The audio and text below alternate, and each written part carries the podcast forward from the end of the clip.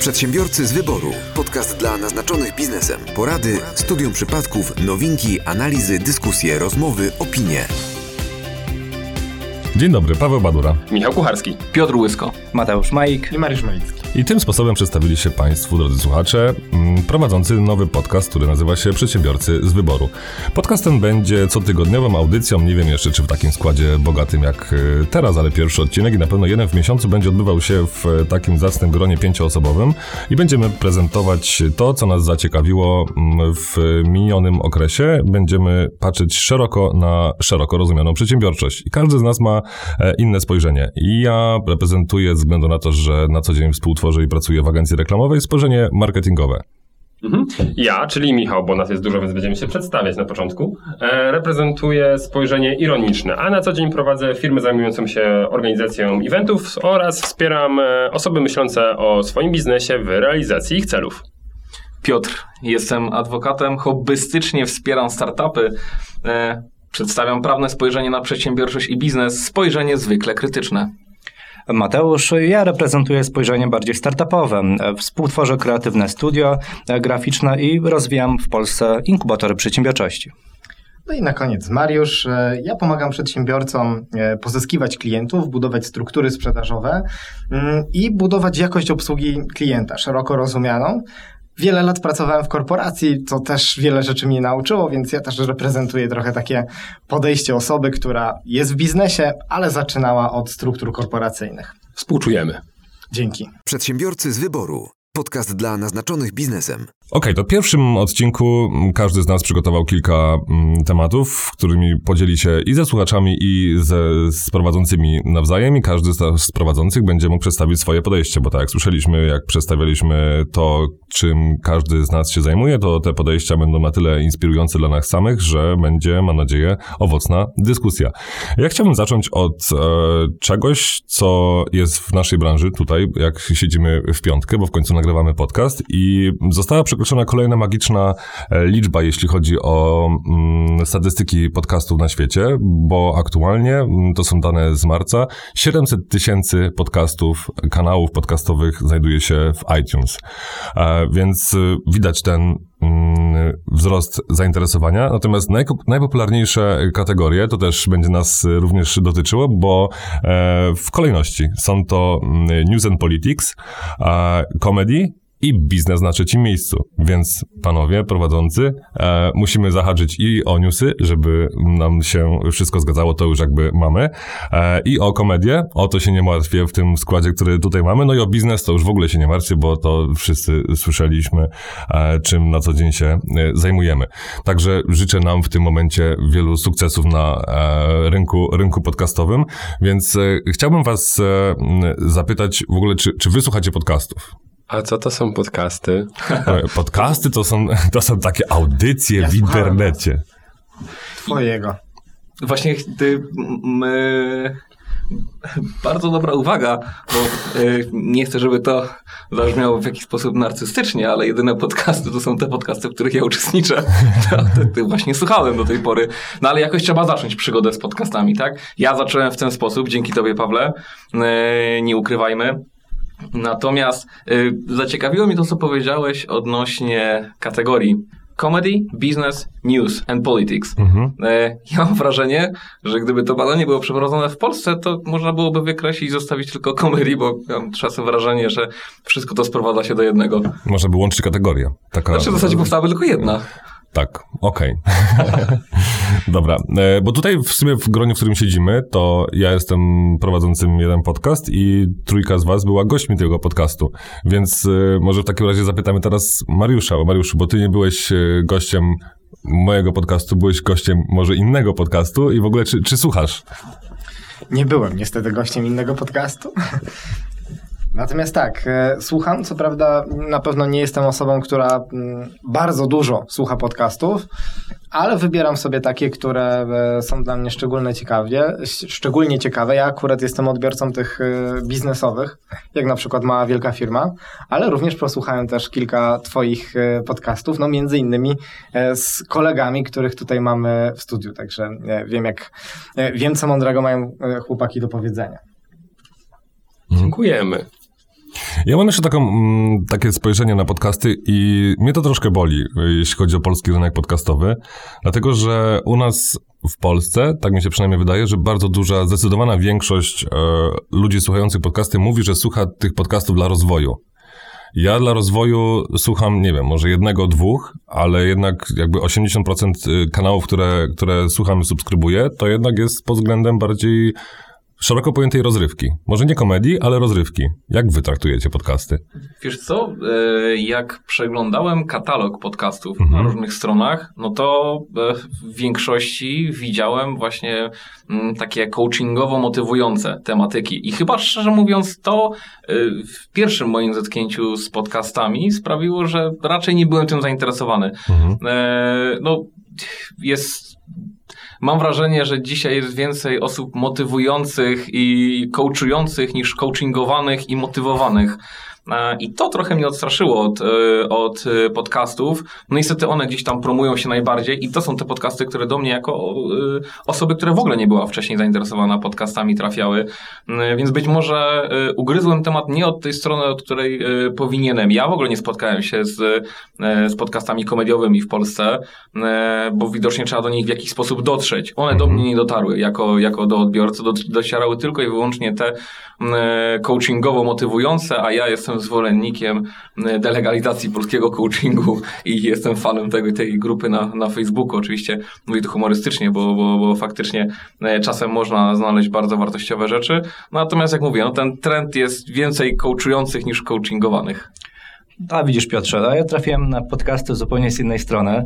E, wcześniej czytałem e, różnego rodzaju blogosferę, no i dosyć duża ilość osób blogujących właśnie prze, przenosiła się na formę podcastów, tak, która jest, nie ukrywajmy, wygodną formą pod względem e, przyswajania tego, co dana osoba chce nam powiedzieć. E, duża część osób z nas pod, podróżuje, e, czasami jeżdżąc autem, no i nie wyobrażam sobie stojąc e, nawet w korku, czytając e, konkretny blog, lepiej posłuchać sobie go na MP3 i później bezpiecznie dojechać do, do celu, a w drugą stronę przyswoić fajną dawkę wiedzy, czasami humorystycznej, a czasami faktycznie wartościowej z różnych kategorii, tak? Od prawa, marketingu, skończywszy na rozwoju osobistym. Znaczy, ja w ogóle nie jestem e, zdziwiony tym, tą popularnością podcastów tak naprawdę, bo mm, to jest taki naturalny znak czasu, co nie? Zaczynamy coraz bardziej pędzić, e, zależy nam na przyswajaniu fajnie tej wiedzy, nie wiem, biegamy, jedziemy, właśnie tak Mateusz powiedział, autem e, i to jest po prostu no, normalne, tak? No, tekst czytany, no, to, to, już jest, to już jest trochę przeżytek, prawda? A jednak możliwość słuchania, no, to jest coś, coś naprawdę teraz świetnego, no i bardzo fajnie też zresztą to, o czym Pawle mówiłeś, wpisuje się w tą akcję wiosenne przebudzenie, co nie? Teraz, że wszyscy słuchają podcastów, robią sobie zdjęcia, jak to albo słuchają, albo jak nagrywają. Zróbmy sobie zdjęcie. No, zrobimy bezwzględnie, bezwzględnie. Ja tylko jeszcze tak, a, a- a propos tego, co, co powiedzieliście teraz y, Michał i Mateusz odnośnie miejsca słuchania podcastów, to jednak samochód jest na drugim miejscu. Y, Ludzie jednak słuchają najwięcej y, w domu. Co mnie też troszeczkę y, zdziwiło, ale jak e, mm, rozmawiam z, y, na różnych grupach e, dyskusyjnych z, ze słuchaczami właśnie, to jednak najwięcej osób słucha w domu podczas czynności domowych, czyli nie wiem, sprzątanie, wieszanie prania, prasowanie, zmywanie naczyń, cokolwiek, tak? Także to jest, patrząc na te statystyki, ja się w nie nie wpisuję, bo jakby najwięcej słucham właśnie w, w, w trasie, w podróży, no ale statystyki są takie, a nie inne. Ale chyba patrząc na to, że nasi słuchacze dotarli do naszego podcastu, bo właśnie nas słuchają, jak już do tego dotarli, więc to grono powinno, powinno rosnąć, więc chyba nie skupiajmy się na, e, w 100% na tym, czym są podcasty, jakie są atuty, bo chyba wszyscy, co słuchają, to, to wiedzą, jakie są te atuty. Jasne. Dajcie nam znać w komentarzach, gdzie ogólnie wysłuchacie podcastów. To myślę, że jest coś dość, dość ciekawe dla nas. Okej, tak, to zachęcamy do, do tego. Przedsiębiorcy z wyboru. Podcast dla naznaczonych biznesem. Ja może zacznę od pytania. Czy ktoś z Was nie miał jeszcze okazji korzystania z przestrzeni coworkingowej w Polsce czy, czy za granicą? No właśnie. E, I co się okazuje? E, Coraz więcej Polaków właśnie e, kojarzy tego typu możliwość, możliwość pracy zdalnej. Niekoniecznie w domu, a jednocześnie bez e, konieczności wynajmowania drogiego biura. E, jak mówią statystyki, a przecież statystyki nie kłamią, e, od 2017 roku w Polsce przestrzeń coworkingowa zwiększyła się dwustukrotnie, tak? czyli coraz większa ilość osób jest zainteresowana tego typu miejscami.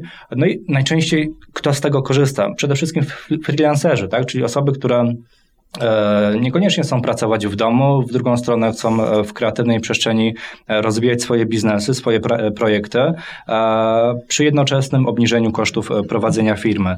Natomiast coś ciekawe, na pewno część z Was zauważyła, że różne inne grupy też z tego typu projektów korzystają. Banki tak kuszą swoich klientów, tak? Coraz częściej banki również świadczą usługi coworkingowe.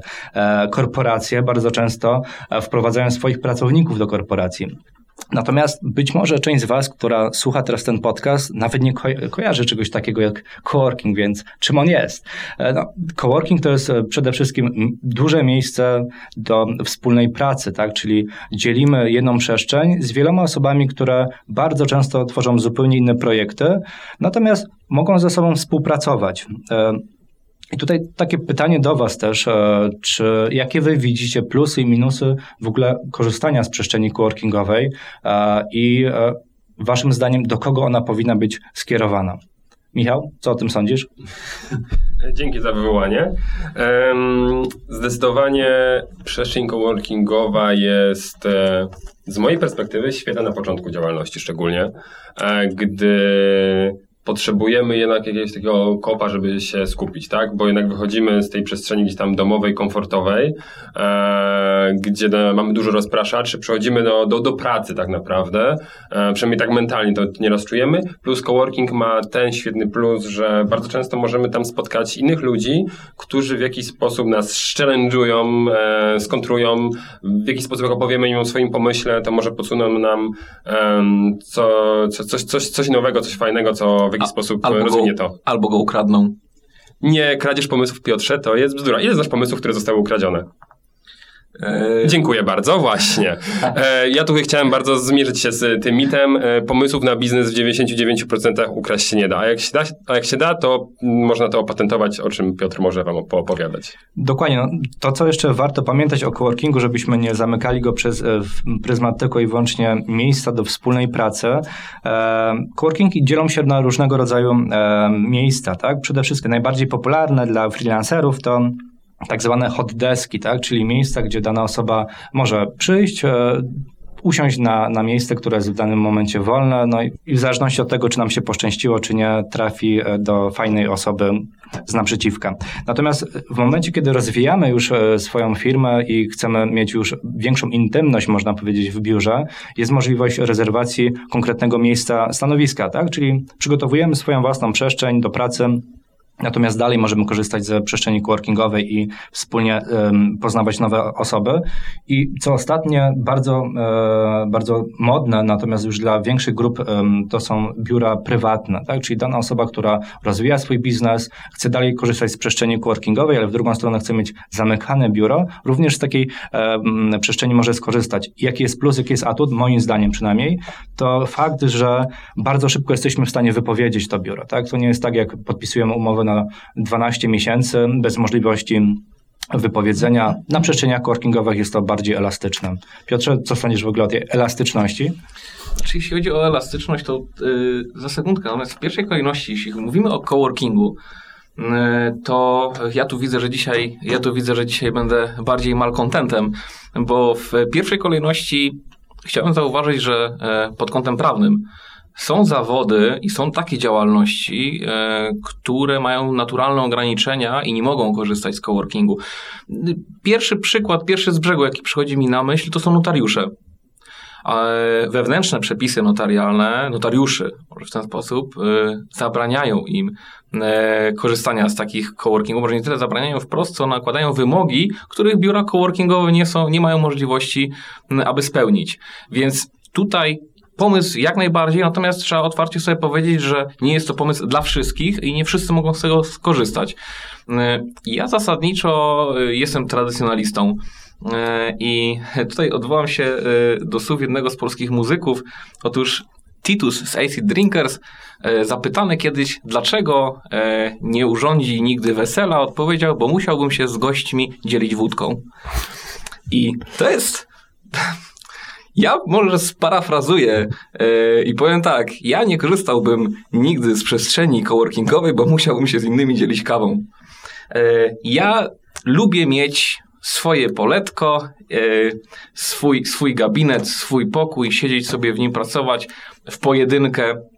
Gdzieś ja mam, ja mam taki tryb pracy, zawsze wolałem pracę jednoosobową niż pracę w grupach, więc e, to moje takie tradycyjne podejście e, każe mi raczej unikać coworkingu. E, Natomiast, natomiast ewidentnie widzę po moich klientach, widzę po moich klientach, że trend jest, e, trend jest taki, że większość osób, szczególnie startupów, korzysta z, tych, z, tego, z tego coworkingu i zdaje się, że, że, że wychodzą na tym bardzo dobrze, szczególnie finansowo. Mariusz? Ale powiem wam, że mm, jest też e, druga strona medalu, bo tak jak e, ty Piotrze e, mówisz, na pewno dużo osób myśli podobnie, w sensie potrzebuje jednak takiego swojego biura. Tak jak Mateusz powiedziałeś, z kolei coworkingi już niektóre umożliwiają jednak tą zamkniętą przestrzeń i tutaj wydaje mi się, że nawet ci notariusze, o których wspomniałeś, mogą mieć te warunki jednak zagwarantowane, bo ono jest zamknięte, nie słychać nic, więc tak to wygląda. Natomiast jest nowy trend, o którym na pewno mniej osób wie, e, mianowicie co-living. I on idzie w zupełnie inną stronę. W sensie nie tylko razem pracujemy, ale razem mieszkamy, gdzie takie przestrzenie pojawiają się e, w bardzo dużych ilościach za granicą. E, Największa znajduje się w tej chwili w Londynie, nazywa się The Collective. Natomiast e, w Polsce znajduje się coś, co jest takim przedsionkiem, powiedziałbym, do co-livingu, mianowicie Clipster, w którym też można zamieszkać i pracować z innymi ludźmi, ale tam tylko na trzy miesiące, taka ciekawostka. Natomiast m, taki e, stricte co-living polega na tym, że kupujemy mieszkanie z dużą częścią przestrzeni współdzielonych, tak? Czyli z jednej strony mamy takie malutkie mieszkanko, gdzie mamy łóżko, mamy jakiś tam mały aneks kuchenny, najczęściej oczywiście toaletę, natomiast cała reszta jest e, współdzielona, czyli mamy jakieś tam e, czytelnie, siłownie, duże przestrzenie do spożywania posiłków i one potrafią być naprawdę, naprawdę ogromne, bardzo nowoczesne, bardzo nowocześnie urządzone. No i jest to podobno e, za granicą coraz bardziej modne wśród osób młodych, wśród osób, które no, z jednej strony są takimi freelancerami, ale nie tylko, które, dla których ważne jest to, że mogą spotykać się z innymi ludźmi, którzy też pracują tak biznesowo. Tak jeszcze powiem e, ciekawostkę, że w Polsce pojawia się taki, e, taki co-living, właściwie dopiero zaczął być e, budowany, gdzie indziej, jak nie na Domaniewskiej e, w Warszawie. E, on się będzie nazywał Smart Tea Ja myślałem, że Mordor. No, jakby nie było, ale e, nazywa się Smart Tea Mokotów i będzie miał, słuchajcie, do, dotarłem do takich liczb, 935 lokali i 5350 metrów kwadratowych e, powierzchni współdzielonej, także no, naprawdę e, wielki moloch. Co ty na to, Piotrze? Wiesz co, e, ja chyba jestem zbyt, e, mam, mam, mam zbyt tradycyjne podejście, bo dla mnie to, co mówisz, e, brzmi bardziej jak komuna hipisowska. To To, to, to samo miałem powiedzieć właśnie. To, to samo miałem powiedzieć. Jak wychodzimy z Mordoru, idziemy pracować w domu, tak? Ja potem zjemy Czyli coś razem. tak. przechodzę dwa metry dalej i mogę się położyć spać. No nie, znaczy, okej, być może, ja mówię, wszystko, e, każdemu według potrzeb, tak? Bo absolutnie nie neguję tego pomysłu. To może być fantastyczna sprawa. Ja po prostu y, przyjmuję inny model. Natomiast y, przy tej okazji y, chciałem powiedzieć jedną rzecz. Ja na przykład nie potrafię pracować w domu. Nie wiem jak wy. Są ludzie, którzy, dla których home office to jest świetna sprawa, w domu się relaksują, kubek z kawą, szlafroczek, komputer. Ja nie potrafię. Ja nie potrafię. Ja po prostu muszę, muszę przynajmniej te dwa metry wyjść i iść gdzie indziej, naprawdę, zmienić, zmienić, zmienić otoczenie i wtedy mogę, mogę zacząć pracować. Niekoniecznie do biura, gdziekolwiek indziej. Pracujesz na korytarzu? Nie, nie pracuję na korytarzu. Chyba, że sądowym. Kiedy czekam na rozprawę, wtedy pracuję na korytarzu, można tak powiedzieć. Nie, wcinam ci się, bo ja jestem ogromnym e, fanem generalnie home office'ów. E, z coworków korzystałem przez lata e, i dalej uważam, że to jest fajna opcja w momencie, gdy się podróżuje. I tak na przykład jestem między dwoma spotkaniami w Warszawie, no to wskoczyć sobie na cowork super, prawda? Niż lepiej tak, niż nie siadać e, w jakiejś knajpie e, z laptopem. Lep, lepszy komfort pracy. Ale jeśli na co dzień mogę wybrać swoją przestrzeń do pracy, to zdecydowanie home office, chociaż to też wymaga dużo samodyscypliny e, i wyrobienia sobie pewnych e, nawyków dotyczących tej pracy. Kiedyś o tych nawykach na pewno jeszcze pomówimy, ale ogólnie jestem gigantycznym fanem e, home office'ów. Masz swoją drukarkę, która wiesz, że ci na pewno zadziała, całą przestrzeń masz Nie ma takiej drukarki, której wiesz, że na pewno to działa. Nie ma, nie ma, nigdy nie, będzie. Nie, nie stworzyły takiej drukarki jeszcze. Ej, moją drukarkę mam w domu od pięciu lat i raz była w serwisie. No, ale Czarpes. była. Ale była. I przez dwa lata. ale zaplanowanym. No nie wiem, co wy kupujecie, ale do tego też przejdziemy. E, no, więc y, home office zdecydowanie. To jest coś, co ja będę bardzo mocno bronił. To ja m- mogę się zgodzić, tak? Jeszcze sorry, wetnę się, bo dopi- jeszcze jedna rzecz dotycząca coworku, e, która, jak mówiłeś, to mi, e, to mi zaświtała w głowie. A jak się ma RODO do coworkingu? Przecież tam każdy ma swoje dane firmowe na laptopie, jakieś papiery bierze, przerzuca dookoła kupa innych firm.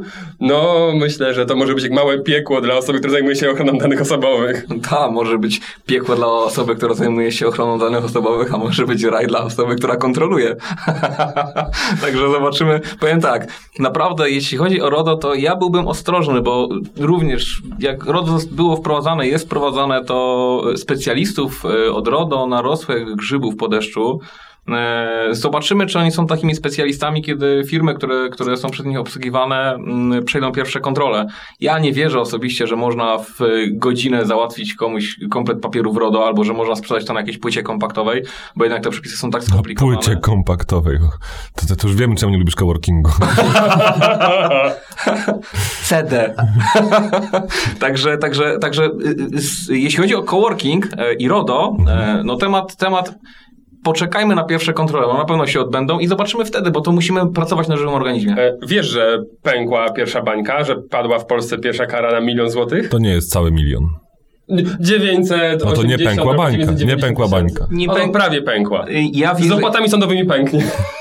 y, ja wierzę, że jak prowadzimy ten podcast już od tylu minut, to, to myślę, że w tym czasie mogła pęknąć pierwsza bańka. Dlaczego? No bo te kontrole teraz są na tyle wzmożone y, i już ten okres takiego parasola ochronnego się skończył, także zobaczymy co będzie. Ja wieszczę tutaj, tak jak w wielu innych aspektach, y, myślę, że ludzie, niektóre firmy o, w ten sposób, kolokwialnie mówiąc, obudzą się z ręką w nocniku, jak przyjdzie kontrola, te przepisy są tak niejasne, a wiadomo, że gdzie przepisy są niejasne, tam Adwokaci mają co robić. adwokaci mają co robić. Okej, to ja tylko krótko jeszcze tym coworkingu, bo mm, ja akurat tutaj nie używam płyt kompaktowych, ale zgadzam się z Piotrem, jeśli chodzi o to, jeśli chodzi o podejście do, do coworkingu. Ja mm, i w ogóle home office. Home office dla mnie naprawdę w, w w małej ilości przypadków jest, y, jest atrakcyjny e, i ja muszę też mieć miejsce, ale gdzie mogę pracować sam. Natomiast pytanie dla mnie jest, y, ode mnie jest takie, czym się różni prywatne biuro w coworkingu od prywatnego biura gdziekolwiek, tak oprócz ceny, bo dla mnie to już nie jest coworking, tak? Coworkingi robią, e, ro- robią z siebie trochę, patrząc na ten przykład prywatnych biur w coworkingu, po prostu biurowca, tak? W którym możemy sobie to, to, to biuro wynająć. Natomiast bardzo mm, e, trafne było to, że banki teraz e, przechodzą na strefy wspólnego, e, wspólnej pracy dla swoich klientów albo potencjalnych klientów, bo to nie trzeba być klientami banku, żeby w takich przestrzeniach się, się znaleźć sobie popracować. Ale to chyba wynika przede wszystkim z tego, że praktycznie średnia wieku e, ludzi, którzy korzystają z banków fizycznie jest dosyć wysoka i ta bankowość elektroniczna po prostu zabiła, zabiła oddziały, których było mnóstwo, tak? Bo, bo wszyscy kojarzymy w ogóle praktycznie główne ulice w większości miast są stworzone pod, y, mm, pod banki, tak? A właściwie banki przejęły te główne ulice, może w ten sposób. Natomiast to pytanie w takim razie do, do, do Mateusza jeszcze. Prywatne biuro w coworkingu, tak? To, to mi się w ogóle y, gryzie strasznie. Już Ci odpowiadam e, na to pytanie. Mm, Faktycznie, jeśli ktoś e, nie korzysta z takiego biura, to, to może mieć te wątpliwości. Natomiast e, na co warto zwrócić uwagę? Po pierwsze, osoba, która ma prywatne biuro w przestrzeni coworkingowej, również do tej przestrzeni ma dostęp, tak? do przestrzeni coworkingowej, więc może jednocześnie współpracować z, in, z innymi. Dwa, bardzo często w przestrzeniach coworkingowych mamy dostęp do recepcji, tak? czyli nie musimy już jednocześnie zatrudniać recepcjonistki. Ta recepcja jest w pewnych godzinach e, uruchomiona. Jeśli mamy gości, to, to jest w stanie nas e, w bardzo fajny sposób e, wyręczyć. No i najważniejsze być może dla osób, które kochają kawę czy herbatę bardzo często na kołorkach, po prostu mamy to bezpłatnie, tak? I zdarzały się już takie sytuacje, gdzie przestrzenie coworkingowe wprost wyliczały, czy bardziej się opłaca codziennie w sieciówce kupować kawę, czy pracować na przestrzeni coworkingowej. I co się okazuje? Ta przestrzeń coworkingowa jest tańsza. Ja się tutaj tylko wetnę. E, nie ma nic bezpłatnie, za to płacisz swoje opłacie za strefę coworkingową. Wiesz, wiesz co, to prawda, natomiast y, jeszcze e, wracając na chwilkę do tego co-livingu, który jednak jest taką bardziej rozwiniętą e, wersją e, coworkingu, to bardzo dużo ludzi, którzy korzysta z tego, którzy z tego korzystają na świecie, mówi, że głównym powodem było nawet nie to, że mogą pracować z innymi przedsiębiorcami, ale że mogą mieć ekskluzywne przestrzenie dostępne na co dzień za dużo mniejsze pieniądze niż gdyby mieli w tych miastach kupować swoje mieszkania. Czyli to na pewno będzie dotyczyło centrum e, Warszawy. E, ja też słyszałem, czy czytałem taki artykuł, w którym wypowiadała się e, osoba, która korzysta z coworkingu w Barcelonie, z co-livingu w Barcelonie. I warto też powiedzieć, że to, co powiedział Mateusz, te osoby mają bardzo dużo usług załatwionych w ramach tej jednej opłaty, czyli mówimy tutaj o e, sprzątaniu tych wszystkich e, przestrzeni, e, o dostępie do siłowni, właśnie do, do kawy chociażby i do wielu innych takich rzeczy, łącznie często z networkingami i mentorami. E, Czyli są osoby, które faktycznie całą tą społeczność w jakiś sposób animują. No, Oni nie są zostawieni sami sobie, tylko tam są zapraszane osoby, no jak to mówią, w kupie siła, prawda? W sensie takim, że im jest łatwiej zaprosić wartościowych mentorów, nie muszą ich tak bardzo szukać na rynku, często się zgłaszają e, sami, więc na pewno dla ta, pewnej grupy ludzi, którzy mm, e, rozwijają swoje biznesy, może to być ciekawy początek. No bo taniej, no i tak bardziej jednak z większymi możliwościami. Przedsiębiorcy z wyboru. Podcast dla naznaczonych biznesem. E, wiecie, że w Norwegii do 2025 roku od 2025 roku zakażą sprzedaży aut spalinowych, czy to diesli, czy benzynowych, tylko elektryki. wiemy skąd będziemy sprowadzać do Polski. Nie, ale tak byłem ciekawy, co wy na to, bo w Norweg Polsce... płakał, jak sprzedawał. No dokładnie chyba tak jest. E, w Polsce strasznie teraz modne słowo elektromobilność, co nie? Wiadomo, produkcja polskich aut elektrycznych, gdzieś tam będziemy mieli, a tutaj, ej, w perspektywie właściwie 6 lat kraj europejski, co prawda bogaty, ale pozbędzie się spalinu, no, nowych spalinówek. Nie, że one tam nie będą jeździć, ale no, podatek na nich ma być tak absurdalny, że ludzie i tak kupią e, elektryki. Ktoś z was chce Tesla może? Zainteresowany? W ogóle jeździliście elektrykami? Ktoś z was jechał już elektrycznym Ja samochodem? elektrycznym autobusem raz Czy jechałem. takie małe autka na akumulator, jak się było dzieckiem, liczą się? E, nie. Mój syn ma takiego elektryka w takim razie. Nie, ja nie miałem okazji, natomiast e, mam na, w moich celach e, ambitnych zakup jakiegoś fajnego elektryka e, z literą T na przodzie.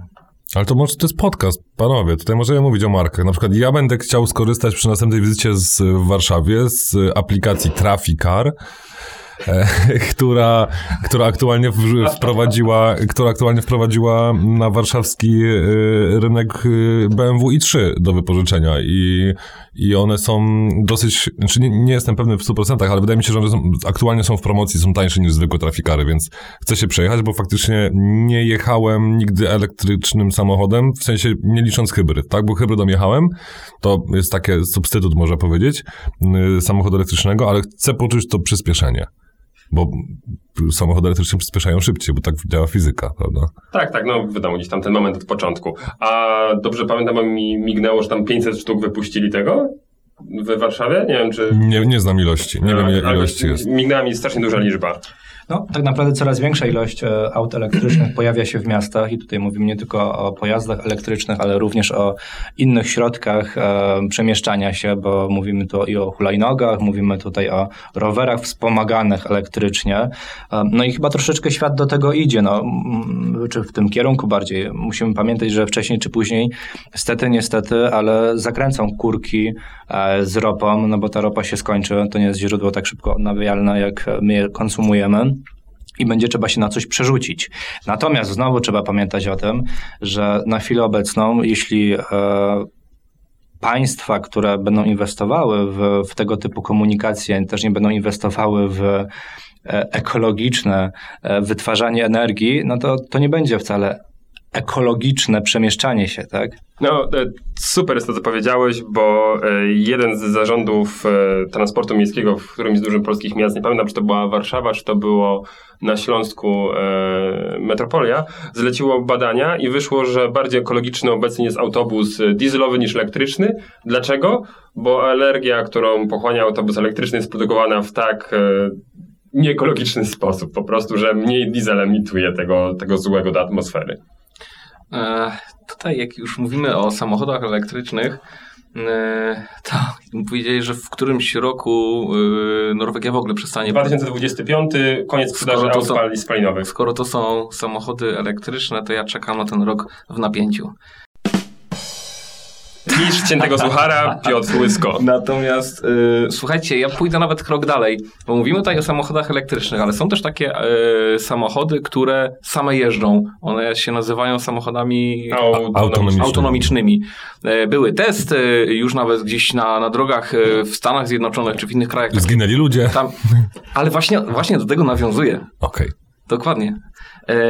I jak zacząłem się zastanawiać, jeżeli dojdziemy oczywiście do y, takiego stopnia rozwoju, że na drogach pojawią się tylko i wyłącznie y, samochody autonomiczne, y, w jaki sposób będzie korespondowało z tym prawo? prawo rozwija się znacznie wolniej niż realia. Znaczy nie dostosowuje się tak szybko jak, jak realia, a na pewno rozwój technologiczny. I teraz tak, jeżeli zderzą się dwa samochody autonomiczne, to kto odpowiedzialny jest za szkodę komunikacyjną?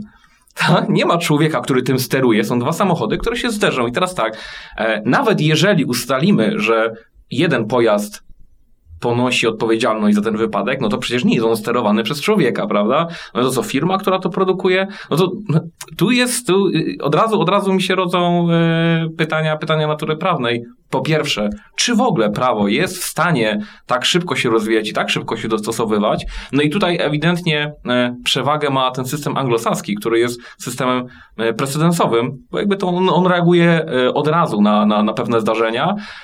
Natomiast nie zmienia to faktu, że, że może być z tego sporo problemów. A jeszcze, jak jesteśmy przy Norwegii, no to chłopie, jak już poruszasz temat Norwegii, to jest. W Norwegii są więzienia, które są znacznie lepiej wyposażone niż większość domów w Polsce, no niestety. I co-livingi.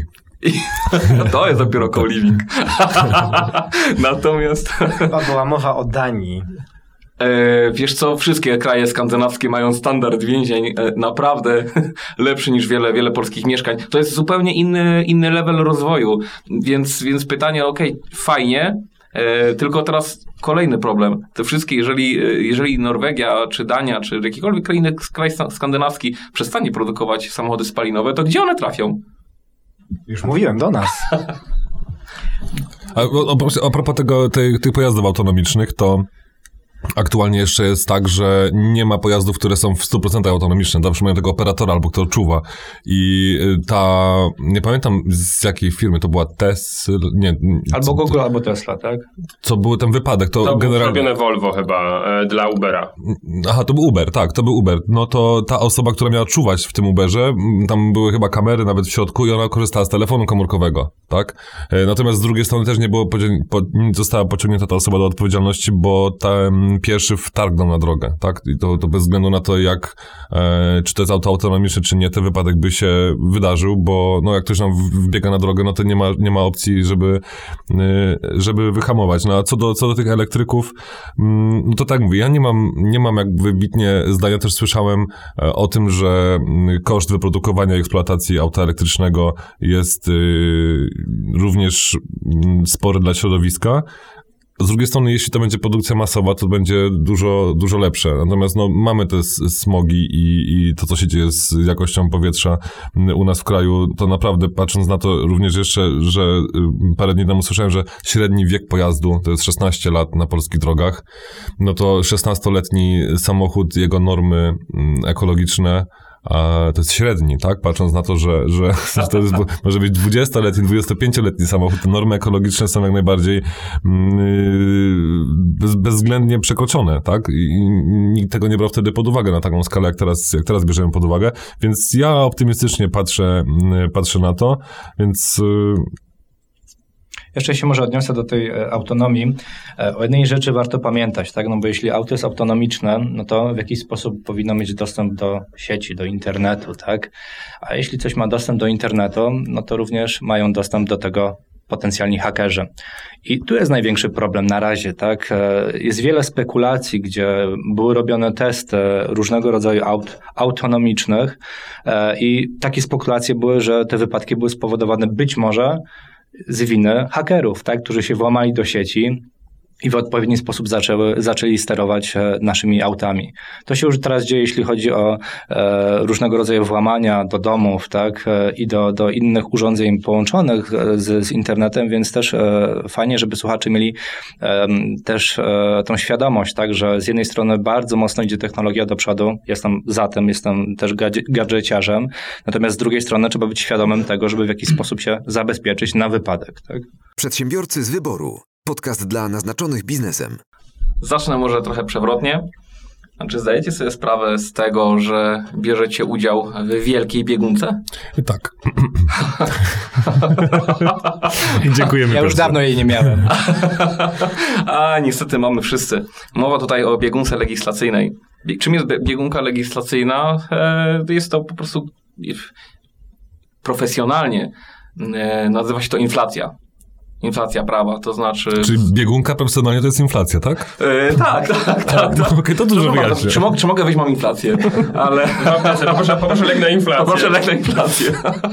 Ale to musiałbyś pana Borsterowicza spytać. To on ma lek na inflację. Ale wracając do... e, Smekta. Wracając, no, wracając do... Węgiel, śląski węgiel. nasz. Śląski węgiel. Będzie na inflację. Rozwiązaniem. Znaczy, to jest niesamowite. Ja nie sądziłem, że temat prawny e, spowoduje najwięcej heheszków dzisiaj, ale to bardzo dobrze. Słuchajcie, inflacja prawa, e, czyli mm, generowanie nowych aktów prawnych i pod kątem ich objętości i, e, i jakości, e, ponieważ Słuchajcie, nie wiem, czy zdajecie sobie sprawę, że gdybyście chcieli e, śledzić na bieżąco zmiany w prawie, to musielibyście poświęcić na to około 4 godzin dziennie. Dziennie. Mało tego, jesteście przedsiębiorcami. Każdy z nas jest. Słuchają nas przedsiębiorcy, bądź ci, którzy przedsiębiorcami zaraz zostaną. Mm, Ci musieliby poświęcić około dwóch godzin dziennie, żeby zaznajomić się z aktami prawnymi dotyczącymi, ty, dotyczącymi tylko i wyłącznie działalności gospodarczej. To jest chore. Gdzie jesteśmy w tym rankingu yy, w, w, w Europie? Na samym końcu. No nie wiem, czy to kogoś dziwi. E, No i teraz, żeby, żeby przedstawić, jak wygląda to e, w liczbach. W 2018 roku uchwalono w Polsce 14, ponad 14 tysięcy stron maszynopisu nowych aktów prawnych najwyższej rangi, czyli ustaw i rozporządzeń. I uwaga, jest to o 46% mniej niż w poprzednich latach. W poprzednich latach było to nawet do 40 tysięcy stron rocznie. Jest to, jest to po prostu niemożliwością jest praktycznie, abyśmy my, adwokaci, e, trudniący się a, albo może inaczej, bazujący na wiedzy, na wiedzy prawnej i znajomości aktów prawnych, wychwycili to wszystko. Reguły nie mogą zmieniać się co 5 minut. A tak niestety jest, a tak niestety jest w Polsce. Yy, Słuchajcie, Polska ma obecnie najbardziej zmienne prawo ze wszystkich państw Unii Europejskiej. Jak wynika z obliczeń Grant Thornton, w latach 2012-2014 produkowała średnio w roku prawie 56 krotnie więcej, 56-krotnie więcej przepisów niż Szwecja, 11-krotnie więcej niż Litwa i dwukrotnie więcej niż Węgry. Bo dziś po części są jakimś tam przykładem dla nas w wielu aspektach, ale niestety nie w tym. E, I teraz choroba czy trend? Odpowiadam na to pytanie. Niestety choroba. Jaki jest trend? Trend jest zupełnie inny. Na całym świecie e, przyjmuje się, oczywiście w krajach wysoko rozwiniętych, o ile nie należy uznać, można uznać e, Polskę za taki kraj, bądź przynajmniej aspirujący do krajów najlepiej rozwiniętych na świecie, trend jest zupełnie inny. Trend jest two out, one in, czyli zmieniamy dwa przepisy ogólne na przykład, albo dwa przepisy złe na jeden dobry. Może w ten sposób, najłatwiej mówiąc. A u nas jest odwrotnie. One out, two in. A z czego z tych tu jeden w ogóle odnosi się do czegoś, co jeszcze nie powstało? Bo oczywiście są też takie ślepe ulice w polskim prawie i jest ich coraz więcej, czyli odnoszenie się do rozporządzenia, które już nie obowiązuje. Tak? No słuchajcie, naprawdę ta, ta, ta jakość prawa mocno kuleje, a nie sprzyja temu, nie sprzyja temu też e, system, e, albo może sposób uchwalania ustaw. No przecież ilekroć y, zasypiamy wieczorem i nie wiemy, że coś może się zmienić, a budzimy się rano i już jest podpis prezydenta. To nie jest kwestia polityczna, bo, bo, bo, bo to nic niezależne od opcji politycznej. Po prostu tak się nie robi. Tak? Niestety takie zakusy mają wszystkie partie polityczne, bo im szybciej, tym lepiej dla nich. Natomiast no, prawo to nie jest coś, czym można tak swobodnie się bawić. Nie można, nie można, nie można yy, generować aktów prawnych w nieskończoność. Mało tego, doszło do tego, że niestety ludzie nie mając świadomości, myślą, że im więcej aktów prawnych się wyprodukuje, tym lepiej. Niektóre partie wręcz nawet chwalą się. Za naszych rządów uchwalono tyle i tyle nowego prawa. No przecież to, jest, to działa zupełnie w, w, w, drugą stronę. To, to nie powinno tak wyglądać. Mm, słuchajcie, e, liczby obrazowo podsumowała e, firma audytorska Grant Thornton w inicjatywie Barometr Prawa. E, w badaniu dotyczącym ubiegłego roku wyliczono, że do systemu prawnego e, włączono rekordową ilość 31 tysięcy stron maszynopisu ustaw i rozporządzeń, a 14 tysięcy z nich dotyczyło bezpośrednio działalności firm. No, słuchajcie, nie wiem, jakie jest Wasze zdanie na ten temat, ale to po pozwolę w pierwszej kolejności. Mateusz, jakie jest Twoje zdanie? Ja może tutaj e, szybko moje wyliczenia wskażę, bo jak mówiłeś, tak mniej więcej dwie godziny dziennie każdy przedsiębiorca powinien poświęcić na e, zaznajomienie się z, ze zmianami przepisów. E, jak to dobrze policzyłem, a mam nadzieję, że kalkulator mój nie kłamie, to jest e, prawie miesiąc e, w ciągu roku, tak? Tak jest. Czyli miesiąc zamiast wypoczywać, powinniśmy się zaznajamiać z przepisami. Czy to jest dobre? No, nie mi oceniać, chociaż może i mi, bo jestem przedsiębiorcą, no mi się to nie podoba.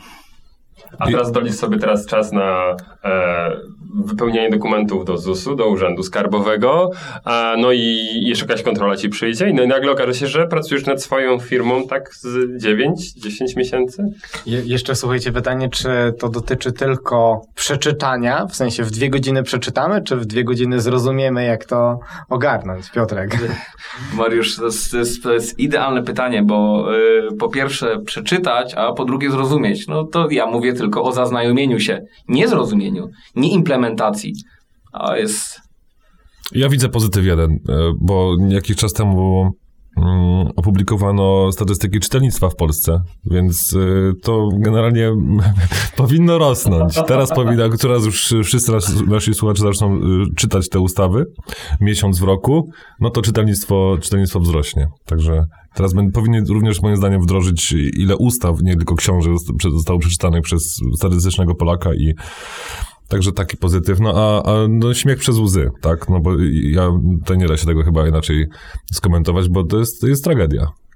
Ale widzisz, no my tak teraz tutaj wszyscy jakoś tak negatywnie bardzo, prawda? No. Chociaż ten aspekt tutaj czytelnictwa jest tak. jak najbardziej pozytywny, ale pomyślmy jeszcze o czytaniu ze zrozumieniem, prawda? I druga y, rzecz y, dotycząca tego, no pamiętajmy, urzędnicy też to muszą zrozumieć, a myślę, że tutaj też nie jest tak, że oni nadążą. Dokładnie, dokładnie jest tak, jak mówisz. I to też jest bardzo ważny aspekt. No i teraz tak, ustalmy sobie jedną rzecz. Polscy przedsiębiorcy są twardzi jak żelki z Biedronki. Nie? Także, także, także spokojnie, dadzą sobie radę ze wszystkim. I tu Ale jest... czekaj, czekaj, czekaj. czekaj. A żelki z biedronki są twarde czy miękkie? Są okropnie twarde. Oni są Twarde? Haribo, żelki z Biedronki. Nie powiedziałem Haribo, Haribo są miękkie. Pokaż zęby. Ale Nie, to... ewidentnie nie jadłeś żelków z Biedronki. Natomiast słuchajcie, nie, nie, nie rozwodźmy się teraz na, na, na, na, na, te, na te kwestie, nad, nad tymi kwestiami. To nie, to nie o to chodzi. Polscy A są regulacje dotyczące żelków z Biedronki? Bo A czy żelki z biedronki Teraz- powodują biegunkę? teraz, Legislacyjną, tak. Może są jakieś przepisy, które regulują to. naprawdę, ja cieszę się, że prawo powoduje tyle uśmiechu na waszych, na waszych buziach. Mam nadzieję, że tak pozostanie zawsze. Natomiast słuchajcie, do meritum, do meritum. Adrem! Inaczej, polscy przedsiębiorcy są twardzi. Kropka. A, I to są ich y, zady i walety, a nawet wady i zalety. Dlaczego? Bo, y, bo ustawodawca o tym wie. I on zdaje sobie z tego sprawę, że można w, w nich ładować, ładować, ale tak, nie pójdą protestować, no bo w tym czasie prowadzą swoje firmy i nie mogą sobie pozwolić na strajk za bardzo. E, I to jest, i to jest, i to jest pewien problem. E, dlatego, dlatego ten ustawodawca pozwala sobie na to. Bo dla zwykłego Kowalskiego te zmiany w prawie no, niewiele mogą wnieść. No, często, często wręcz nawet są dla niego korzystne, bo, bo, bo na przykład jest to w jakiś sposób y, dotyczy wzrostu y, wynagrodzenia dla niego bazowego, czy, czy, czy emerytury, czy z przeliczeń i tak dalej, i tak dalej, bo to są zwykle, zwykle, zwykle tego dotyczą te zmiany najczęściej. Natomiast słuchajcie, pamiętajcie, że to prawo zmienia się nie tylko dla przedsiębiorców, ono się zmienia też dla urzędników i zmienia się też dla sądów. Ciężko na przykład wypracować sądom stabilną, e, stabilne orzecznictwo, jeżeli to prawo co chwilę się zmienia. No bo jeżeli już wypracowali jakieś stabilne orzecznictwo, a prawo się zmienia, no to nie można tego orzecznictwa stosować do nowego porządku prawnego. Więc pamiętajcie, że to prawo zmienia się dla wszystkich. Dla tych, którzy je egzekwują, dla tych, którzy według nich postępują i nawet przedsiębiorcy mogą naruszać pewne normy prawne nieintencjonalnie, bo nawet nie mają świadomości. Ignorancja juris nocet, tak? Nieznajomość prawa szkodzi. No ale, ale czy można kogoś e, oskarżyć o nieznajomość prawa, jeżeli ono się co chwilę zmienia? No to tu już mówimy o, o, o względach czysto prawno-teoretycznych. To jest naprawdę e, ciężki, cię, ciężki temat. No, podobno awiza nie trzeba teraz odbierać na poczcie, jak się pracuje też, także wiesz, no Nie to... wiem, czy coś się nie zmieniło przez te 5 minut teraz, wiesz? A, okej. Ale tutaj, Piotrze, przypomniałeś mi fajny case, o którym rozmawialiśmy lata temu, jak mówiłeś, jak często idą przedsiębiorcy z kontrolami chyba skarbowymi do sądu i jak często wygrywają. Nie wiem, czy pamiętasz te dane, bo one były naprawdę e, świetne. Tam było tak, że no, z tych, co się decydują, większość e, wygrywa, co nie? Jakoś tak to szło. Tak, słuchajcie, e, dane, dane które dotyczą e, roku bodajże 2016, e, mówią o tym, że mm, przede wszystkim e, 32% to są e, wygrane w Naczelnym Sądzie Administracyjnym, czyli w tej najwyższej instancji. Z moich obliczeń wynika, że blisko połowa e, w niż sądach niższej instancji wygrana jest przez, przez podatnika, ale teraz zwróćmy uwagę jeszcze na jedną rzecz. To są ci ludzie, którzy zdecydowali się iść do sądu. I teraz pomyślmy o tych wszystkich, którzy machnęli ręką i nie poszli do sądu.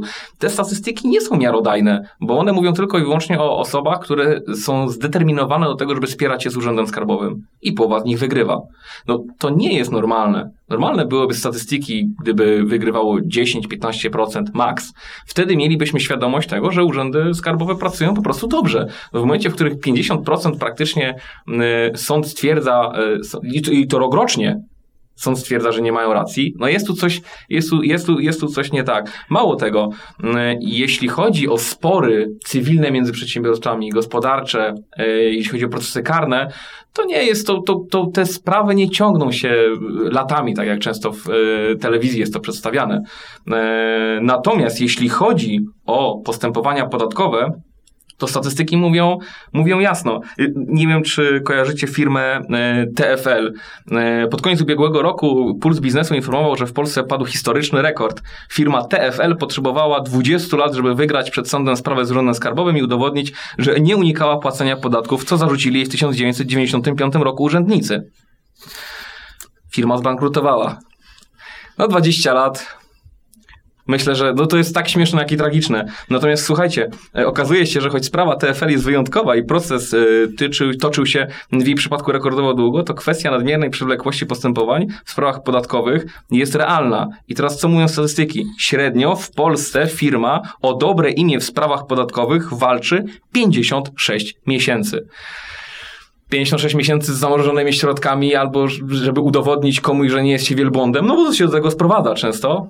Słabo. Nie przejmuj się Piotrze, bo patrząc na statystyki, które dotyczą stricte wygrania spraw przez e, podatnika, w związku z różnego rodzaju zmianami, które obserwujemy w Polsce, mogą bardzo szybko się zmienić, tak? I też bądźmy tego świadomi, tak? Na razie są e, przyjazne i przychylne podatnikowi, natomiast w przeciągu najbliższego czasu mogą być bardzo brutalne. Pytanie, czy chcemy to sprawdzić? Badum!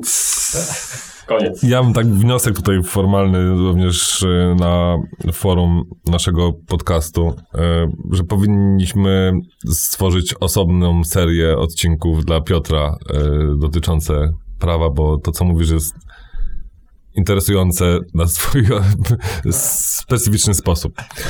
Sponsorem odcinków Piotra będzie zakład pogrzebowy AS Bytom. Ten zakład nie istnieje. Nieważne, ale jest fajny. Jest dobrze prowadzony face. Jest, jest. Wszystkie kanały są. Wszyscy do urn. I może doczekamy się w roku. Przedsiębiorcy z wyboru. Podcast dla naznaczonych biznesem. Dobrze, skoro już e, podjęliśmy takie tematy prawne, troszeczkę porozmawialiśmy, jak to e, trudno, to teraz e, pogadajmy chwilkę, jak próbują nam pomóc. E, mianowicie, mm, wszyscy e, pewnie znacie mm, ulgi, które przysługują osobom, które zakładają e, swoje biznesy. Mamy w kwietniu ubiegłego roku, tak dla przypomnienia tylko, weszło coś, co się nazywa ulga na start. Przez pierwsze 6 miesięcy płaci się tylko składkę zdrowotną. To jest niecałe 350 zł w tym roku. Później przez dwa lata preferencyjny ZUS. 550 e, e, parę złotych e, miesięcznie, tak on wynosi, tak? W porównaniu do tej wysokiej składki ZUS, czy bardziej powinienem powiedzieć standardowej, bo to, że ona jest wysoka, to wszyscy wiemy. 1317 zł, tyle ona wynosi. I pojawiła się taka nowa inicjatywa. Rząd odtrąbił ogromne zwycięstwo, bo w styczniu oto wprowadzili mały ZUS. I ja, słuchajcie, zagłębiłem się troszeczkę bardziej w tematykę, jak ten mały ZUS e, dokładnie wygląda. E, I to, co jest e, szeroko gdzieś tam promowane, to to, że przez 5 lat każdy przedsiębiorca, każdy, nie tylko nowy, ale każdy, może korzystać przez 3 lata, czyli przez 36 miesięcy, może korzystać z właśnie tego małego ZUS-u. Czyli tak naprawdę są dwa lata przerwy między jednym korzystaniem ewentualnie a drugim. I teraz jest taki taki jeden mały warunek, mianowicie przychód nie może być większy, uwaga, przychód, nie dochód, tak? Czyli tutaj nie ma kosztów jeszcze zaliczonych, nie może, nie może być większy w poprzednim roku podatkowym niż 63 tysiące złotych. I teraz e, dochodząc do meritum, wtedy, jeżeli ktoś ma 63 tysiące złotych przychodu i potrafi się jeszcze utrzymać na rynku, wtedy ma ten mały ZUS wynosi 1239 zł i 56 groszy. I moi drodzy, nie przejęzyczyłem się, to nawet nie jest 100 zł mniej od e, wysokiego ZUS-u. Oczywiście, jeżeli zarabiamy jeszcze mniej, no to ten ZUS maleje. Ale dla przychodu w wysokości 40 tysięcy złotych rocznie, e, teraz wyobraźcie sobie panowie firmie, że e, macie, macie firmę, która przynosi przychodu 40 tysięcy rocznie i czy ją da się dalej prowadzić? Macie Liczmy wtedy... to miesięcznie, to będzie dużo lepsze. To wychodzi 3 tysiące z groszem, bo 3 tysiące to byłoby 36... No widzisz. I jeżeli, jeżeli ktoś jest freelancerem, ma jednoosobową działalność gospodarczą, nie ma żadnych kosztów. Śpi pod mostem. Śpi pod mostem. Może nie śpi pod mostem, bo są różne... w coworkingu. W coworkingu. To jest w stanie... To, to jest brutto, prawda? Utrzymać się. Tak, wiecie co... E... A jeszcze, e, nie, to jest netto jest... chyba, tak? Czy?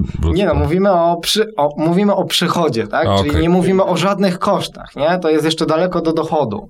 E, I teraz, jeżeli ktoś ma 40 tysięcy e, tego dochodu rocznego, to płaci 870 jeden złotych e, nadal e, ZUS-u. Także e, chciałbym widzieć taką firmę, która jest w stanie przy takim obrocie jeszcze sobie pozwolić na prawie 900 złotych płacenia ZUS-u. Czyli masz trójkę na rękę, bo to jest netto, tak? Bo no VAT, VAT nie wchodzi i od tego odpalasz niecałe 900, tak? Dobrze rozumiem? Czyli ci zostaje 200 na rękę i za to jeszcze płacisz wszystko rachunki, Podatki, komórkę, rachunki. internet. Jeśli założysz tą firmę, tą działalność gospodarczą pod koniec roku, to pewnie przez te kilka miesięcy może tak być.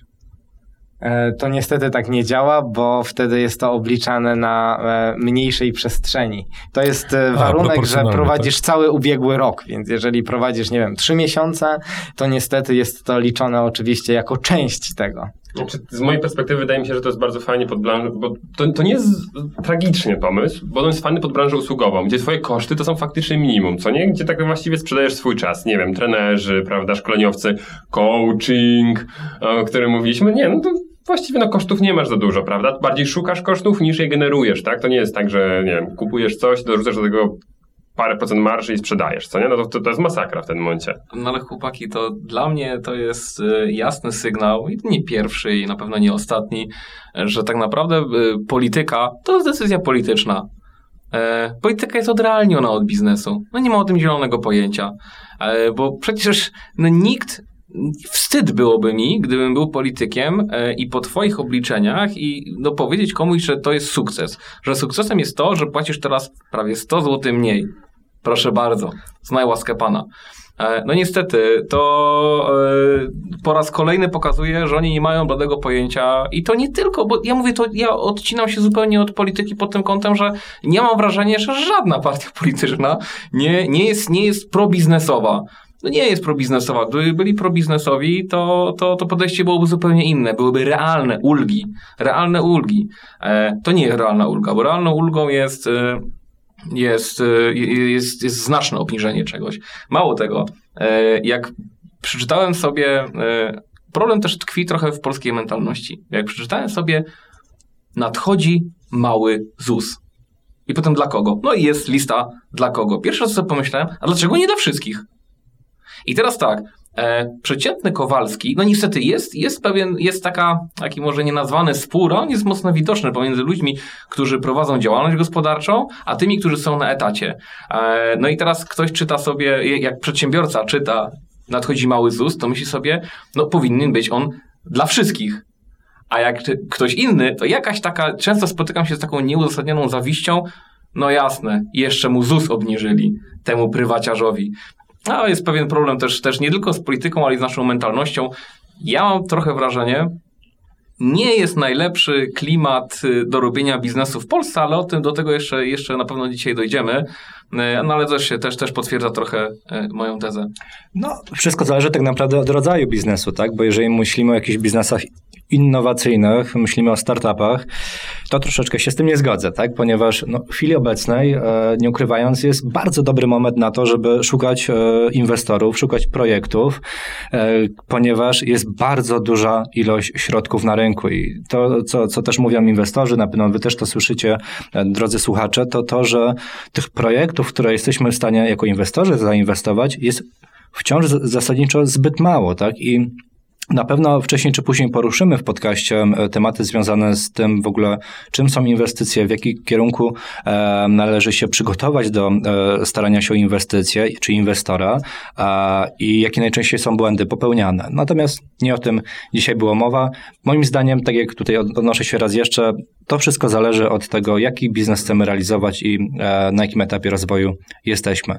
Natomiast patrząc na tematy związane z podatkami i, tym, co, co się zmienia, to chyba jeszcze coś jest e, w chwili obecnej do, do poruszenia, co e, być może w najbliższym czasie się pojawi, jeśli chodzi o te ulgi, które być może będą bardziej precyzyjne i być może będą skierowane do konkretnej grupy docelowej, która może z nich w 100% skorzystać. Mhm.